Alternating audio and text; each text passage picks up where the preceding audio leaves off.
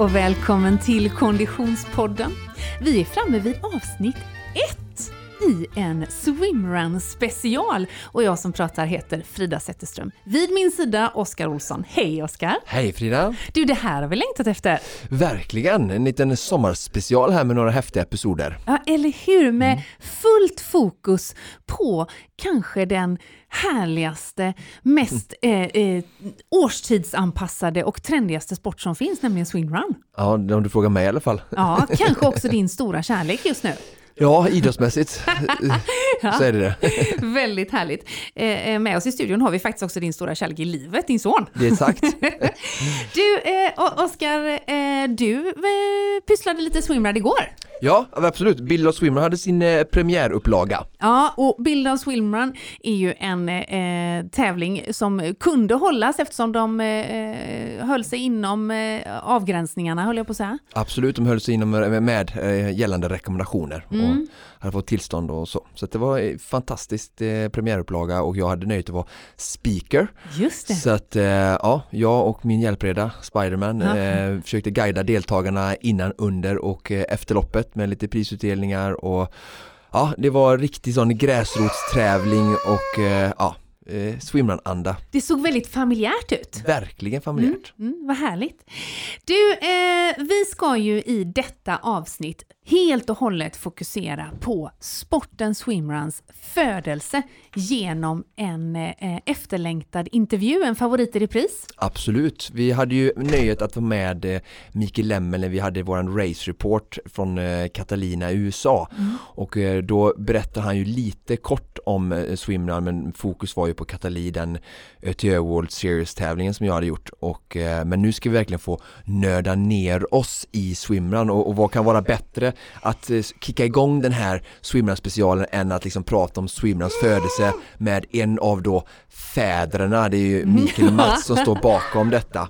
Och eh, det ska bli grymt spännande att få guida våra lyssnare liksom med genom historien och hur swimrun blev en sport och hur Ö till Ö har vuxit genom åren. Så mm. att, eh, ja och vi kommer ju att eh, prata swimrun i ett antal avsnitt eh, framåt så att eh, den som saknar exempelvis din historia i swimrun-världen kommer att få sitt till livs eh, redan i nästa avsnitt. Ja. Men som sagt, i detta avsnitt fokuserar vi på hur sporten föddes.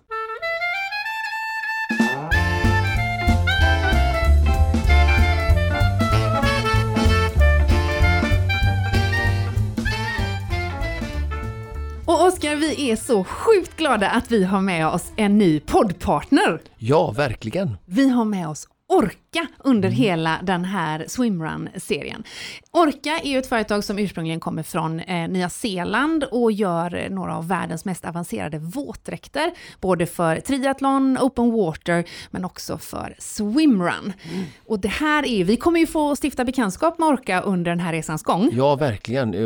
Unikt eh, att ett märke tillhandahåller sån bredd av just eh, Eh, swimrun eh, och uppe vatten och alla typer av våtdräkter. Så att det är jättekul att få jobba med Orka i de här fem avsnitten och testa all utrustning. Mm, och vi kommer som sagt att återkomma för att även du som lyssnar kommer få chans att testa den här utrustningen. Men det återkommer vi till om en liten stund. Men om du som lyssnar är sugen på att skaffa dig en egen swimrun-dräkt så är det läge att passa på precis just nu. Därför att hos Vencanto som är generalagent för Orka är det sänkta priser med 40 procent. Alltså hallå, 40 procent. På swimrun-sortiment? Ja, på mm. swimrun-dräkter. Eh, missa inte det här tillfället, kika gärna in på vencanto.com. Och tack så mycket Orka för att ni hänger med oss den här lilla specialsäsongen. Eh,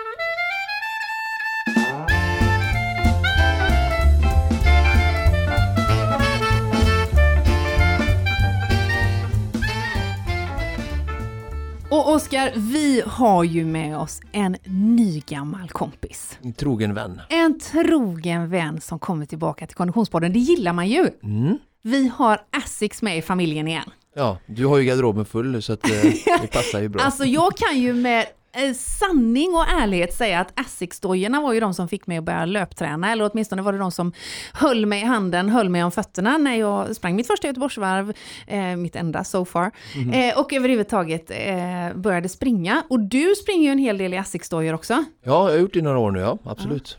Ja. Och det har, var ju så att de var bland annat, Asics var ju med oss i, med Konditionspodden när vi var uppe och rapporterade, du sprang Asics ja. Stockholm Marathon. Eh, och för många så kanske Asics-skon är en eh, löpardoja i, med de eh, sammanhangen. Ja. Men det finns en bredd i Asics sortiment. Ja, verkligen. Alltså jag har ju under flera år här nu sprungit med deras eh, alla olika modeller för olika typer av löpning, alltså både intervalllöpning och sen även liksom olika typer av distansskor då för mina längre lugnare pass. Mm. Men eh, nu så har de ju gjort en liten satsning extra på eh, trailskor och jag har hittat några favoriter som jag kommer att testa i de här eh, avsnitten som, som kommer nu. Så att eh, verkligen att de har börjat fokusera på en bredd och jag är väldigt lycklig nu att jag kan ha hela garderoben eh, med Essex, alltifrån då trail, intervallskor, distans och allting som jag behöver för att liksom, för eh, hela min löpning. Mm, väldigt bra! Och du som lyssnar kommer få chans att både testa på Asics-dojor och också vinna. Mer om det i nästa avsnitt. Men tack så mycket Asics för att du hänger med oss under hela den här eh, säsongen.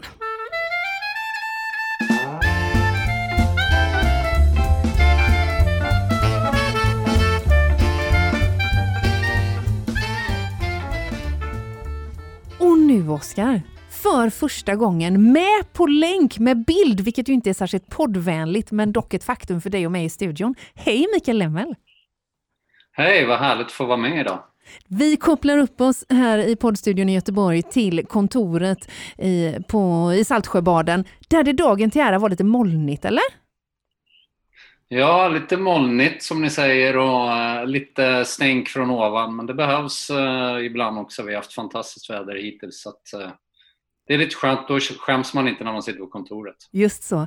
Där du sitter, som vi ju då ser via en videolänk, så som alla träffas i Corona Days, så ser vi att bakom dig finns det en väldigt eh, tjusig målning eh, utav ett eh, kargt eh, klipplandskap där det står Ö till Ö. Och det är därför vi ringer dig. Ja, det är ju Claes Wirén som gjorde en tavla en gång i tiden åt mig. Så att, eh, det är från det klassiska till eh, bilden som Jakob Edholm har tagit och sen så, ja, så har Claes varit där och gjort eh, sina underverk. Just det, The Evolution of Swimrun står det under titeln Ö till Ö. Och det är precis det vi ska fokusera på eh, här och nu. Mikael, eh, man eh, tar inte i från tårna när man säger att du är eh, swimrun-sporten och Ö till Ös eh, eh, eh skapare eller fader. Men om vi backar klockan till när du hamnade i det här, när du kom på den här idén? Vad var det som föranledde en multisportare att ta sig an det här?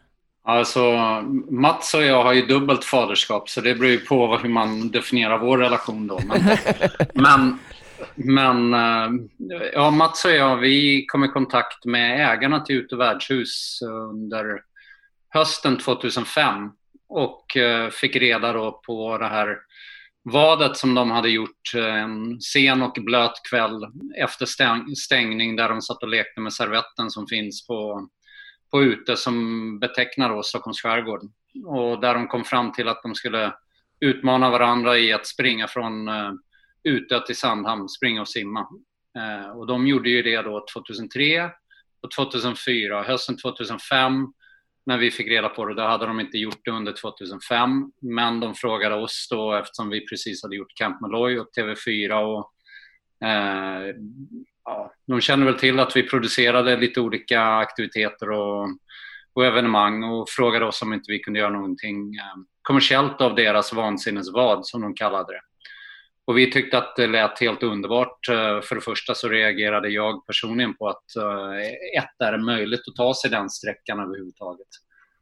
Och sen så, ja, med tanke på att vi var i en fas i vårt liv då att vi kände att vi ville bygga en, en tävling som vi kunde fortsätta vårt eh, eh multisport eller adventure racing-liv eller kanalisera det vidare in i det så så hamnade det var rätt i tiden och Stockholms skärgård som Göteborgs skärgård. Men det som vi har i Sverige är ju rätt unikt med alla de förutsättningar. Så vi föll pladask för idén och bestämde att vi skulle göra en tävling. Och Mats då, han kom på namnet och kallade det hela för Ö till Ö för att det var det vi, vi skulle göra. Så det var det han föreslog. Så att loggan med den här löpan och simman eh, som sitter ihop, det, det har varit med sedan dess. Mm. Du berättade ju en del om detta i Konditionspodden avsnitt 24 när vi gjorde Catalina Race Report som ju då är en internationalisering, en avknoppning av Ö till Ö. Och vi fick höra lite grann om att de här eh, killarna som då startade redan 2003, där var det ju mer lite mer på skoj, eller hur? Jag vet att det var någon damcykel involverad vid något tillfälle i början där också som du berättade om.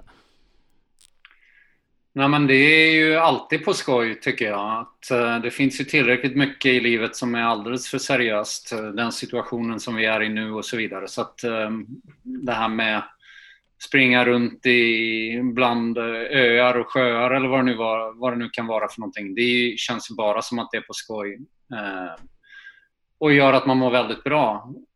och de första, vad blev det, inte första året och andra året på Ö till Ö, alltså 2006-2007. Men 2008-2009 eh, då hade vi ju skärgårdscyklar som vi kallar det, treväxlade skärgårdscyklar med korg fram på Ornö för att folk skulle kunna gå i mål. Ah, det och det var ju första året som Jonas Kolting vann då. Så att han gjorde två år med, damcykel, eller med skärgårdscykel och så ett år utan uh, skärgårdscykeln.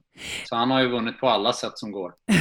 ja, och även, även eh, Jonas Kolting som du refererar till var ju med faktiskt i det här avsnitt 24 som, eh, där vi pratade om eh, Race Report Catalina eh, och där vi pratade med dig sist Mikael. Men nog för att du säger att det är alltid på skoj och så är det ju såklart. Samtidigt är det ju så att Ö till Ö nu 2019, 2020, även om vi just i år har ett konstigt eh, år på alla sätt och vis, är ju en tämligen seriös tillställning för många atleter. Ja, det är det ju. Och det är ju jättekul att folk tar det på allvar och att uh, det är viktigt för, för alla. Och det är ju viktigt för oss också, men det är ju fortfarande, liksom, i livets perspektiv så är det ju ändå bara på skoj. Mm. Och vi har ju förmånen att vi har möjlighet att leva i den lyxen att vi kan göra den här typen av aktiviteter både som eh, fritids eh, eller motion eh, och även som arbete som jag själv. Så att det, ehm, det är ju klart att för vissa är det ju allvar men i det stora perspektivet så är det ju inte så allvarligt. Men du, om vi eh, ändå backar klockan och håller oss kvar till när, när du och din partner eh, eh, fick den här möjligheten eller tog den här möjligheten att skapa Ö till Ö. Då var du aktiv multisportare och det hade varit seriöst för din del med livet som insats i, i en tävling relativt nyligen. Uh, ja, men det var 2000 som jag eh, hade uh, ganska allvarliga konsekvenser av eh, hög höjd. Så att jag fick, eh, jag fick eh, lungödem och hjärnödem och ganska gravt. Eh, så att jag är väldigt tacksam för Mats då som hjälpte mig komma till en läkare i, eh, i den fart vi kunde hålla och, och sen att jag fick vård. Men eh, det innebär att jag vet ju, jag har ju varit med om lungödem som mm. många pratar om nu för tiden. Så att, och det är ingen rolig upplevelse. Det var ju i, i ditt fall där och då sviterna utav eh, multisportutövande, eller hur? Ja, det var ju sviterna av eh, en... Eh, det var en... Vad kallar man det? Jag hade brist på saltsyra i min matsmältning så att jag kunde inte bryta ner proteiner så att mina cellväggar var väldigt tunna och de sprack på hög höjd vilket gjorde att jag fick väldigt dålig syremättnad i blodet. Mm. Så att, eh, det, ja, det var en konsekvens. Det var inte en konsekvens av tävlandet, men det var en situation som uppstod under tävling. Mm. Det var som du säger 2000, eh, men hur, hur, hur såg din eh, multisportkarriär, om vi kallar det för det, ut? Hur, hur såg din aktiva karriär ut? Mats och jag, vi ehm, bestämde under våren 95 eh, vårvintern 95 att vi skulle göra en satsning på någonting som heter Red Gauloise som var på den tiden världens största organisation inom eh, äventyrstävlingar. Mm. och första tävlingen vi gjorde var i, i Argentina i december 1995 och då åkte vi dit um, och visste egentligen inte vad vi gav oss in i men det var det största äventyret jag varit med om i hela mitt liv. Och vi, vi tyckte att det var fantastiskt kul och eh, kände att vi ville fortsätta med att försöka göra en satsning inom det som kallades äventyrstävlingar eller adventure racing på den tiden.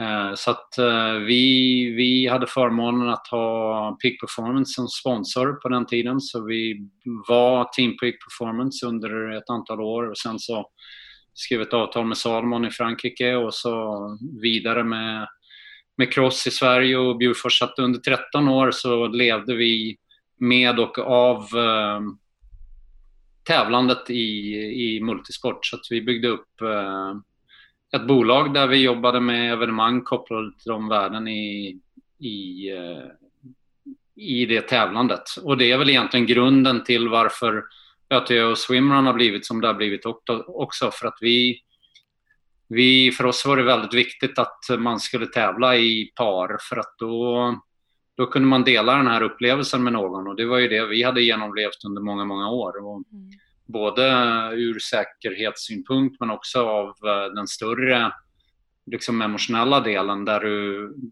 du har någonting, ett minne för livet som du faktiskt har med någon annan och du kan dela det med någon annan. Som, det kan ingen ta ifrån en även om det är någon som är snabbare eller vad det nu är för någonting på, på en bana senare. Så det, så de värderingar som vi fick under de åren som vi tävlade, det var ju nästan 13 år, Um, det, det är det som la grunden för, för vad ÖTÖ och Swimrun är idag. Och jag tror ju att, eh, jag ser ju hur, liksom, vilken eh Eh, kanal eller eh, nya möjligheter som har öppnat för många konditionsidrottare som är vana att eh, träna kondition, löpning, triathlon, simning liksom individuellt har fått liksom genom den här sporten få tävla med lagsamman eh, lagsports eh, eh, tappning och liksom får hjälpas åt och, och mm, för många gånger så tror jag många konditionsidrottare kan komma till en punkt där de känner sig lite, ja det kan bli tradigt eller tråkigt att göra allting ensam och eh, vi gillar ju lagsport eh, överlag så att det här har ju verkligen blivit en, jag ser många kam kamrater och konkurrenter som har dratt sig från andra individuella idrotter och fått genom swimrun uppleva just eh, lagsport. Mm. Ja, och jag tror att um, alltså det reflekterar ju väldigt mycket mer av, av livet också där man behöver lära sig eh, fungera i, med andra individer. Och gräver man ner sig för mycket i individuell idrott så är det ju lätt att det blir så. Mm. Man gräver ner sig för mycket. Mm. Det är ju eh, få förunnat får man ändå säga och kanske få som har kapaciteten att vara med vid en sports födelse, för det är ändå det vi talar om. Idag, eh, 15 år senare, eh, så, så, är det ju en etablerad idrott ändå i, på ett helt annat sätt i, i folkmun. Alltså det är, sporten swimrun pratar man ju om idag och förhåller sig till. Eh, vad skulle du säga Mikael, förutom det faktum att man tävlar i par, om att man får dela ögonblicket, är det som tilltalar i swimrun? Det är väl mer en fråga för Oskar skulle jag vilja säga, men utifrån mitt perspektiv så tror jag att det här med att, eh, att eh, driva sig själv eh, till den punkten som man själv är villig att gå och sen göra det tillsammans med någon, någon annan är ju en del av upplevelsen. Men sen så är, jag skulle vilja säga att 90 eller 95 procent av de deltagare som vi har i alla fall är människor som lever i en urban miljö. Och vi, och de är oftast eh, konditionsstarka och, och så vidare, men de har egentligen inte så mycket erfarenhet av natur. Och mm. Vad vi kan göra är då att vi sätter upp ett system eller en plattform där man får uppleva natur i, i dess råa form. Um, och i, i, en miljö där, de kanske, där man kanske inte skulle göra det på egen hand. Mm. Så att jag tror att det tilltalar väldigt mycket. Och så är det inte en verklighetsflykt, men en, en besök i verkligheten. Jag tycker att den här eh, verkligheten som vi lever i med allting digitalt och så vidare, är, det är ju lite vansinnigt egentligen. Och den riktiga verkligheten, det är ju naturen. Det har varit rätt intressant nu under, under våren när jag, alltså jag har inte varit hemma så här mycket sedan eh, 1990 så att eh, jag, jag har ju fått uppleva, uppleva vår och försommar på ett sätt som jag aldrig egentligen har tid att göra annars. Nej. Och naturen har ju sin gilla gång och det är ju verkligen verkligheten oavsett vad som händer i, i vårat eh, i våran värld så den riktiga verkligheten blir ju ganska uppenbar att det är naturen och dess cykler. Mm, och på något sätt så kommer man nära den då helt eh, naket och ärligt genom, genom swimrunsporten? Ja, jag tycker det. Du måste ju du måste ju lära dig att anpassa dig och bete dig enligt eh, de förutsättningar som naturen sätter upp. Det, går ju liksom inte att forcera viss terräng och det går inte... Och så är man i havet och där är det varmt, kallt, vågigt, salt, eh, mm. strömt eller vad det nu är för någonting. Och det spelar ingen roll vad du har för jobb, det spelar ingen roll hur mycket pengar du har på banken, det spelar ingen roll vilken bil du kör eller vilken telefon du pratar med. Det, det är du och din kunskap och din partner som är viktig. Och det, det tror jag är det som är nyckeln i det hela och varför folk... Eh, ja, alltså det är helt rätt i tiden som, mm. som sport. Och sen så de här sakerna som jag klankar ner på den här digitala världen, det är ju det som har gjort att vi har haft möjlighet att skapa spridning i det hela också. Så det, det, hade ju inte fungerat för 20 år sedan när vi höll på med, med multisport. Det, då, så den exponering som vi och sporten har lyckats skapa är ju tack vare de digitala möjligheterna. Men sporten har ju utvecklats rätt mycket från när vi började 2006. Då hade vi nio lag som stod på startlinjen i Sandhamn och då startade vi faktiskt i Sandhamn men året efter, 27, så startade vi på ute och tanken för oss från början var ju att vi skulle eh, skifta distans från ett håll till det andra, lite som Comrades maraton i Sydafrika. Men vi insåg ju efter eh, andra året när Ted Ås och Martin Flinta och framförallt Ted stod på sista ön innan Sandhamn och nästan vägrade hoppa i vattnet eh, för att han var så kall. Att ha den längsta simningen sist var ju inte det mest intelligenta från vår sida. Så därför blev det ju då att eh, sträckan blev Sandhamn ute. Um, vi var i stort, eller vi var själva fram till 2011 och då började det, eh, då började äh, Ångaloppet hade sitt äh, kalas, alltså det var ett födelsedagskalas som sen blev Ångaloppet 2012. Öloppet kom till och Amfibiemannen kom till. Jag ska bara så, var... tillägga där att uh, under 2010-2011 så gjorde jag någonting som heter Sten till sten. Det är några ytbergare uh, som hade hört mycket Jens och Gustav Redin som hade hört om er. Så att vi, jag körde ju min första swimrun 2010 från Kärringön till eh, Lysekil Eh, och de Aha, kallade det då sten till sten. Eh, vi var 8-9 deltagare och eh, ingen snitsling och äppelkaka vid mål och allting var ju för att de här ytbergarna hade ju några av de här eh, jag kommer inte ihåg namnen på alla de här duktiga, men jag hade ju några duktiga killar som körde ö till ö där innan då som har blivit inspirerade så att eh, jag körde då den, den sten till sten upplagan två gånger innan jag körde öloppet första gången 2012. Ja men det var ju jätteroligt, mm. fantastiskt. Och det var bara inspirerat från er? Ja. Nej, nej, jag ska skicka ja. bilder till dig. ja, vi får ja, återkomma till, till men det. Var ju, men det var i samband med, med 2012 då som, som Rika Rosenbaum kontaktade oss och sa att de frågade om vi hade om vi uh, hade något emot om hon kallade det hon uh, skulle göra på Hellas, uh, alltså träningsanläggningen då, eh, om hon kallade det för swimrun. Och vi tyckte det lät jättekul med ordet swimrun så vi frågade henne tillbaka att självklart inte men jag hoppas att du inte har något emot att vi kallar det swimrun. Så då 2012 så bestämde vi att vi skulle kalla Ötö för eh, The Swimrun World Championship i och med att det då hade dykt upp några andra tävlingar, det vill säga Öloppet, Amfibiemannen och, eh, och eh, öloppet, Ångaloppet, Öloppet och Amfibiemannen. Eh, så då tyckte vi att ja, men då blir ju att det är VM. Och därför kallade vi det VM. Och sen så har det ju utvecklats sen dess. Och 2013 hade vi vår första tävling utomlands. Och det var ju, nej, inte utomlands. Det var ute som vi hade kvaltävling. Och det var för att vi hade över 700 lag som sökte till ÖTÖ. Och vi kunde ju inte ha mer än, än 100 på den tiden. Så att därför sa vi att okej, okay, men vi gör en till tävling. Så det var ju ute som vi gjorde. Och sen året efter så blev det ju Engadin 2014 som var första ute i Europa. Eh, och första, och det var väl starten på swimrun utomlands.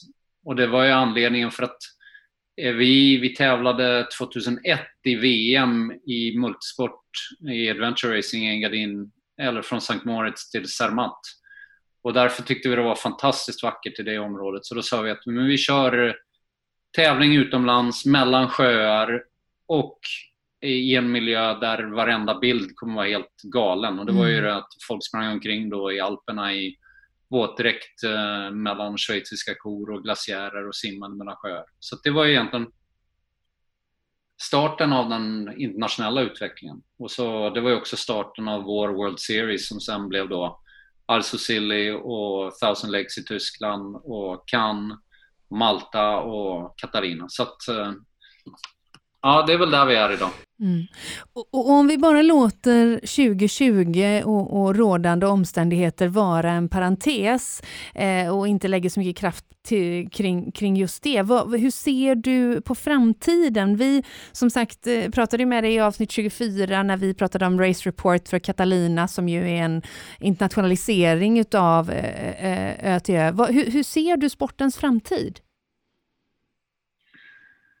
Nej, men jag eller inte, nej men jag, jag tror att um, att faktiskt 2020 är väldigt intressant för mm. sporten för att det gör att uh, man har tid att reflektera över vad är det för någonting man tycker om och vad är det för någonting man saknar och vad är det man vill göra. Mm. Så att jag tror ju faktiskt att, uh, att det kommer ske en ökning med swimrun för att uh, man har ett behov att komma ut i naturen ännu mer. Mm. Eh, för att det blir någonting, en plats som alltid är konstant.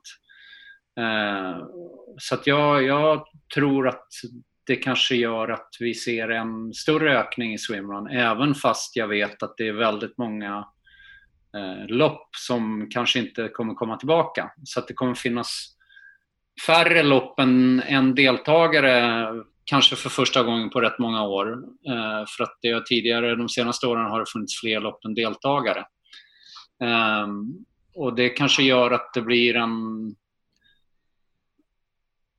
Ja, men jag tror att sporten kanske får möjlighet att få, få fotfäste som en motionsidrott där du inte behöver en nummerlapp för att, för att hålla på med swimrun. Just det. Och, och det gör att eh, vissa kommer hålla på med swimrun-äventyr och ser det som en, som en motionsform och andra mm. kommer eh, triggas av det här att dra på sig en nummerlapp och mäta sig med sig själv och med andra. För, för det, det har ju varit tämligen tävlingsfokuserat som idrott fram till nu, eh, just vilket vi kan exemplifiera med nummerlappen där. Men vad tror du Mikael ska till för, eh, för att man ska, få ett, ett, ett, bredare genomslag och att det då blir det där som du säger, motionsformen?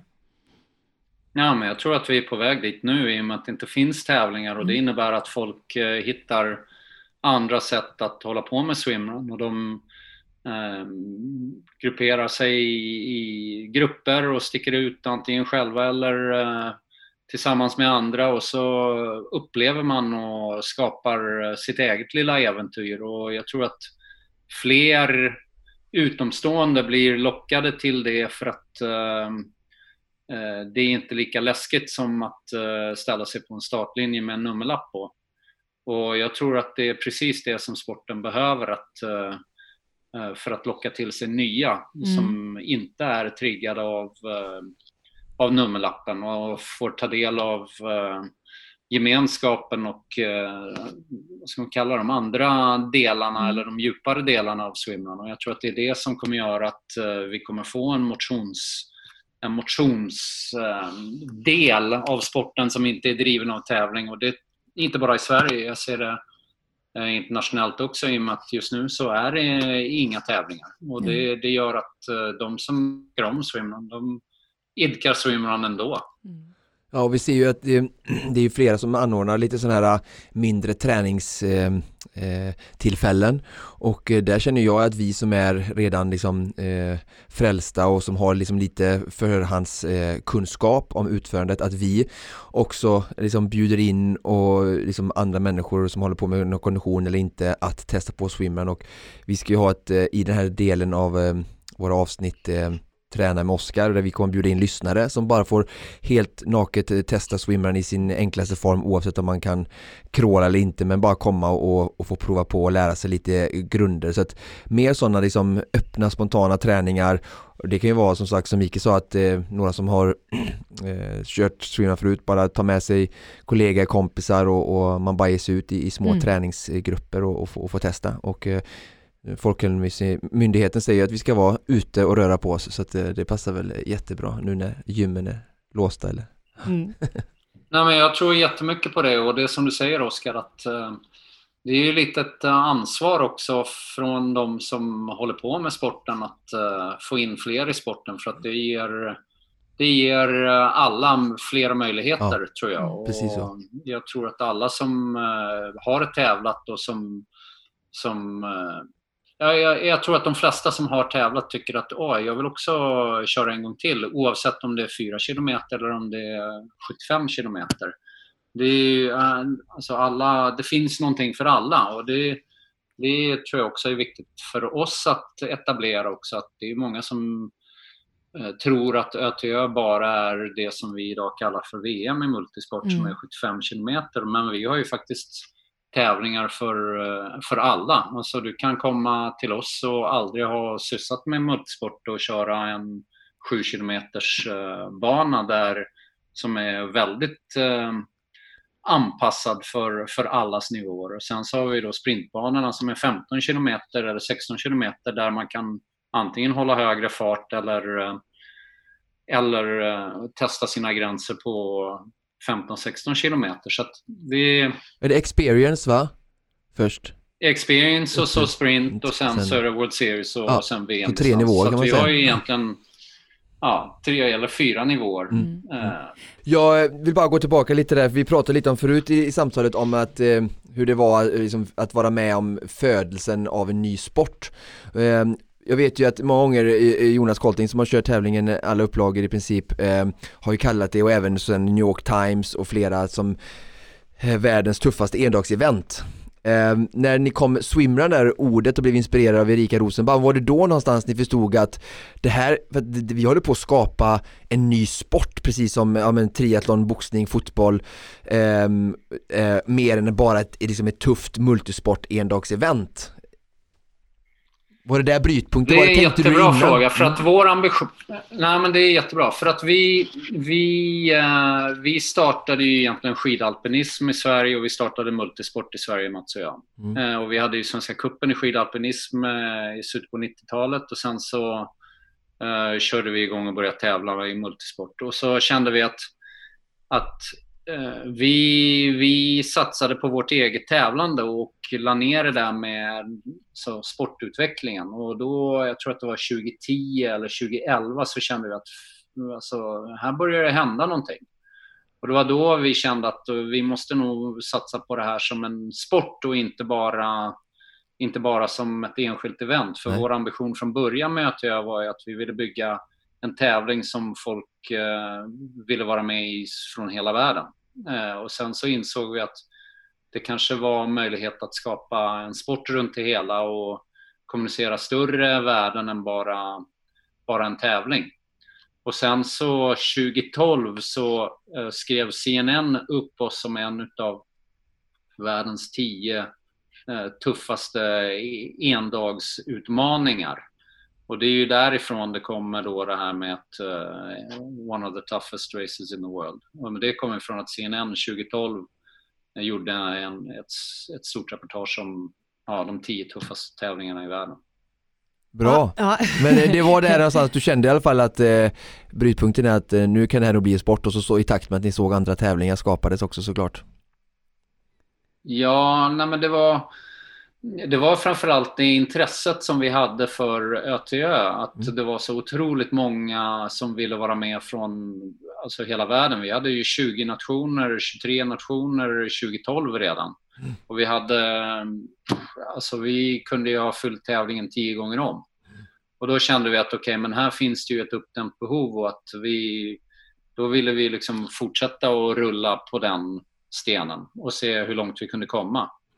Och nu förra året så hade vi 54 nationer som deltog i någon typ av ÖTÖ arrangerad tävling. Och om man då tänker det att de, av de 54 nationerna, säger att det är 90 eller 95 procent som tyckte att det var ganska kul. Då åker de hem igen och så börjar de eh, hålla på med swimrun hemma och så har de en kompis till eller en kompis till och en kompis till. Så att därför så är ju liksom swimrun är ju etablerat runt om i hela världen. Och jag vill säga det är verkligen hela världen. Um, och oavsett vad som sker med oss som tävlingsorganisation kommer swimrun fortsätta att bestå. Mm. Eh, Snabbt innan vi släpper här och vi blickar lite framåt i kikan bara. Jag vet att vi har många lyssnare som är spända och jag vet att det inte finns något tydligt svar på detta men lite bara intressant kanske för lyssnarna att höra hur resonerar ni nu kring, eh, alltså ni i ÖTÖ-organisationen om läget och, och framåt och eh, hösten 2021 eh, och alltså bara lite hur ni resonerar. Jag vet att, jag, att vi är ju helt och hållet eh, förpliktigade att eh, följa direktiv och sådär såklart Eh, och ni kommer ju få vara snabba och respondera på dem kanske men finns det någon, hur går tankarna just nu bara i rådande situation? Hösten 2020 menar du? Ja, och och med nu och 2021 framåt? eller kanske överhuvudtaget bara hur du tittar framåt i kikan. Ja, eh, ja, det är ju en självklar fråga. Eh, vi, I och med att vi har tävlingar i olika länder Mm. eh, så har ju vi eh, eh, det omvärldsbevakning i de här länderna eh, och försöker förhålla oss till de olika eh, rekommendationer och regler som gäller. Mm. Och därför så har vi, som ni kanske vet, men vi har öppnat upp Engadin. Ja. Eh, och det är för att eh, schweiziska hälsomyndigheterna har ju godkänt att man får ha 300 personer i evenemang per dag. Eh, och de kommer komma med nya uppdateringar av de reglerna den 24 juni. Så att det kanske gör att det öppnar upp sig mer. De tillåter resande till Schweiz från hela EU eh, från och med den 6 juli. Så att eh, det gjorde att vi fattade beslut om att köra tävlingen Mm. i Engadin. Kul, grattis! Sen så, ja det är ju väldigt kul. Mm. Och sen så är det ju självklart att vi kommer ju göra det lite annorlunda än vad vi har gjort eh, under eh, tidigare år eftersom vi måste också förhålla oss till någon typ av eh, covid-19 Safety Management Plan. Mm. Och den kommer vi etablera efter den 24 juni då vi får eh, de senaste direktiven vad som gäller. Mm. Eh, När det gäller Sverige så har vi ju då som, som du är högst medveten om Mm. ÖTÖ i slutet på, eller VM i slutet på augusti. Mm. Eh, Vi har Final 15 den 29 augusti och vi har ÖTÖ den 31 augusti. Eh, Och sen så har vi ute tävlingshelgen, sista helgen i september. Eh, Och där försöker vi nu, alltså vi har ju undrat och eh, funderat på om Folkhälsomyndigheten kommer att ändra den här 50-regeln. Mm. Ehm, och jag tror personligen inte de kommer göra det eh, innan året är slut. Så att vi eh, håller på att eh, resonera om olika upplägg på hur vi ska kunna göra, genomföra det här på ett fungerande sätt. Och, men som självklart är anpassat efter det. För vi behöver samtliga tillstånd från polis och myndigheter för att kunna geno- genomföra en tävling. Det är inte så att vi kommer hitta på att vi kör en tävling utan att ha de tillstånden. Ja, Så vi, vi eh, kommer behöva anpassa oss på något sätt, är jag Mm. helt övertygad om. Mm. Eh,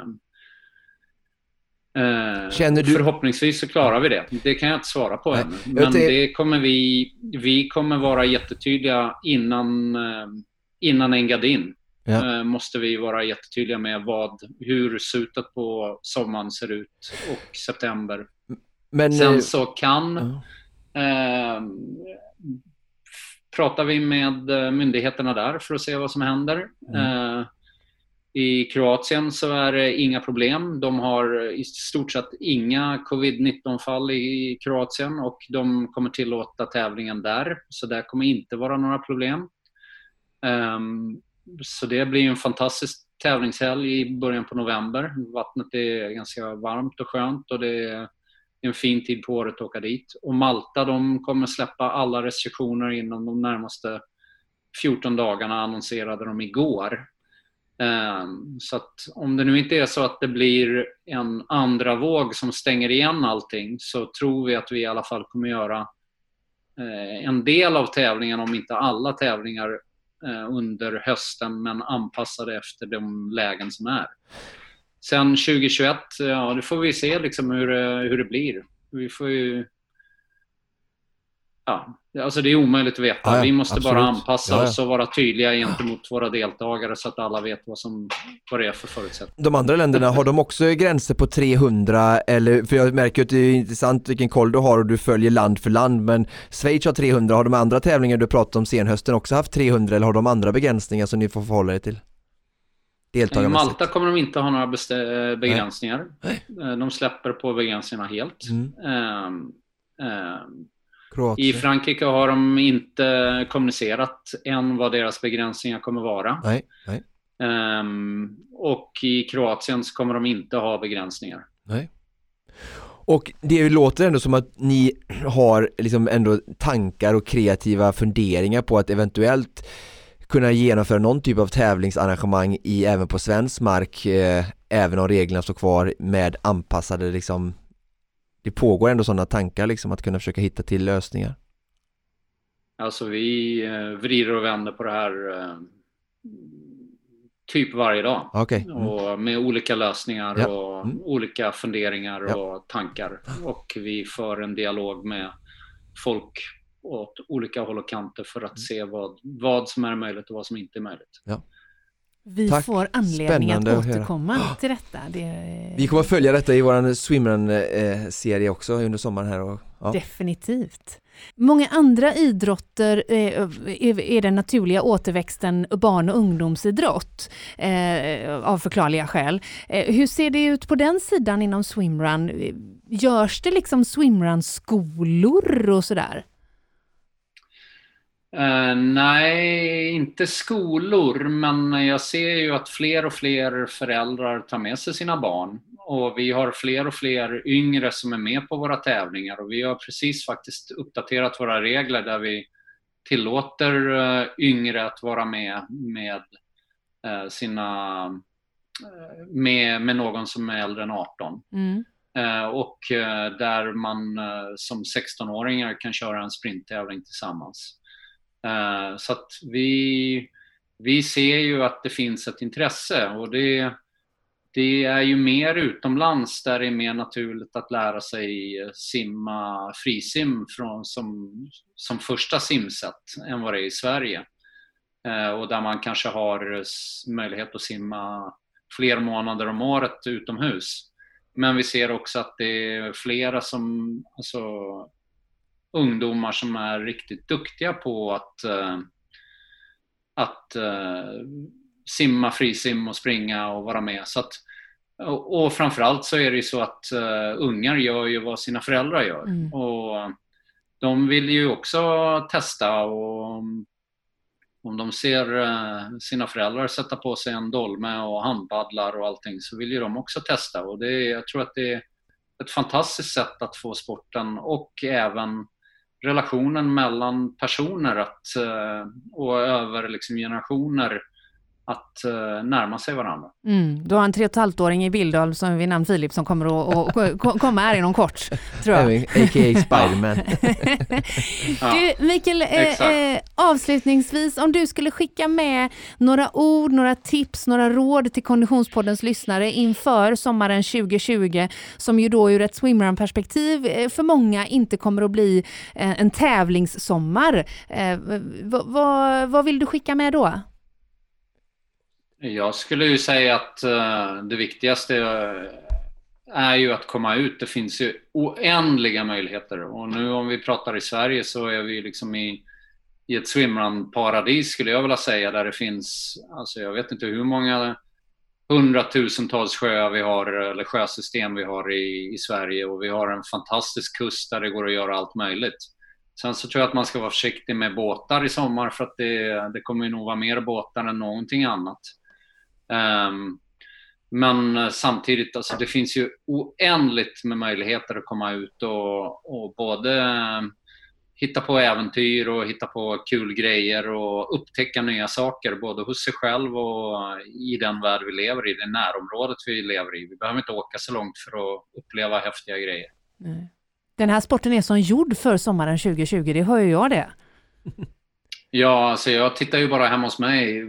Jag, jag behöver inte ens uh, göra något annat än att kliva ut ur huset för att ha alltså, tre, fyra mil av fantastiska swimrun-möjligheter och det, det gör ju att uh, båten och bilen blir parkerad. det låter underbart. Mikael, tack så hemskt mycket för att vi fick ringa upp dig. Ja, tack själva. Och jag ser fram emot att vi sticker ut på ett uh, litet äventyr. Säg till när ni vill göra det så gör vi det. Ah, det är ju, det är, that's a catch. Ja, eller hur? Underbart. Det är bra. Tack så hemskt mycket Mikael, verkligen. Eh, vi, vi hörs. Detsamma. Grymt. Ha det bra. Tack, hej då. Hej då.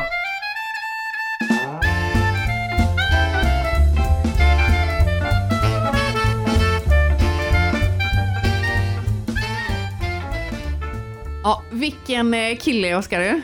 Ja, verkligen. Så vältalig och eh, så spännande att höra hela hans personliga resa och sen hur det har, liksom alla hans erfarenheter som de har kunnat implementera i ÖTÖ-organisationen och utveckla ÖTÖ och framförallt sporten till vad den är idag. Så att, eh, grymt kul att ha med Mikael. Ja, verkligen. Eh, och, och, lite gött också att vi fick oss en inbjudan och, och, och eh, träna ja, lite med honom. Ja, du fick det, precis. Så till och med att han skulle komma ner eller att du och jag får åka upp eh, och, och göra någonting roligt och kanske visa lite klassiska swimrun-vyer för dig hade ju varit jätteroligt. Mm, mycket spännande. Men du Oskar, vi har ju faktiskt ett tillfälle på G nu där vi vill bjuda in våra polare, våra kompisar, Konditionspoddens lyssnare. Ja, och då vill jag verkligen liksom understryka nybörjare, aldrig testat swimrun eller van eh, sen flera år tillbaka van swimrun, alla kategorier men jag hoppas verkligen att vi ska kunna ge alla någonting som lära sig något nytt mm. och hitta sig fram i swimrun. Vi har ju nämligen ett unikt tillfälle, en exklusiv kväll där vi nu, närmare bestämt den 30 juni, den 30 mm. juni här i Göteborg kommer att köra en Träna swimrun med Oscar-kväll. Wow. Eh, vi kommer att ha ett begränsat antal platser så det gäller att anmäla sig ganska så omedelbums om man vill vara med på detta. Eh, det kommer som sagt då att bli träna med dig Oskar, lite mm. olika specialtips och, och träning. Ja. Man kommer att få testa Orcas swimrun våtdräkter. Ja, absolut. Och även tillhörande olika typer av utrustning vi kommer gå igenom och kolla på för och nackdelar för eh, nybörjare eller mera vana swimrun. Så att eh, alla typer av tics, eh, tips och tricks. Exakt, och man får även chans att testa Asics trailskor. Mm. Så vill man vara med den här kvällen, alltså den 30 här i Göteborg, vad gör man då? Jo, man mejlar. Ja. Man mejlar till konditionspodden at fredag.se och när du får ett bekräftelsemail, då har du din plats säkrad. Och tröskeln ska vara så låg som möjligt så att eventet är gratis och jag vill verkligen återigen trycka på att det här är för alla kan vara med. Om man aldrig har testat så ser det här som en möjlighet att få testa på swimrun i den härligaste av former och har man även gjort swimrun så är man också välkommen såklart om man tror att jag har någonting att lära ut eller bidra med. Just precis. Dessutom kommer vi ju faktiskt att spela in nästa avsnitt av Konditionspodden där och då. Så att, ja. eh, och Frida bara... kommer få testa swimrun. Vem vill inte missa det? det. Man kommer att skratta åt mig bara om man tycker det skulle kännas spännande. Ja. 30 juni alltså i Göteborg. Maila ditt intresse till konditionspodden at fredag.se. Men du Oskar, det var allt vi hade att bjuda på för den här veckan. Ja, det var första avsnittet av den här Swimrun sommarspecialen. Hur tycker du det gick? Men bra! Jag är ju lite, lite, lite tänd på den här sporten. Ja, det är, är ju svårt ja. att inte bli inspirerad av dig, din entusiasm och Mikael Lemmels historia ja, såklart. Kul. Eh, till helgen är det midsommar. Ja, Ja, ska du träna något eller? det ska jag nog göra lite ja. Ja. Eh, ska vara själv eh, på midsommarafton tror jag och bara ta det lugnt och sen i helgen ska jag hänga med eh, Spiderman. Just det. Och eh, ja, vi- då vet man aldrig vad som händer utan eh, då är det öppen vit bok och eh, full aktivitet. Mycket bra. Vi önskar dig som lyssnar på Konditionspodden en glad midsommar. Ja, och hoppas att vi finns med i lurarna någon gång i, på britsen, på suppen eller på träningspasset eller vad det än kan vara. Exakt så. Vi hörs igen om en vecka. Precis som vanligt produceras eh, Konditionspodden av Fredag. Connect Brands with People.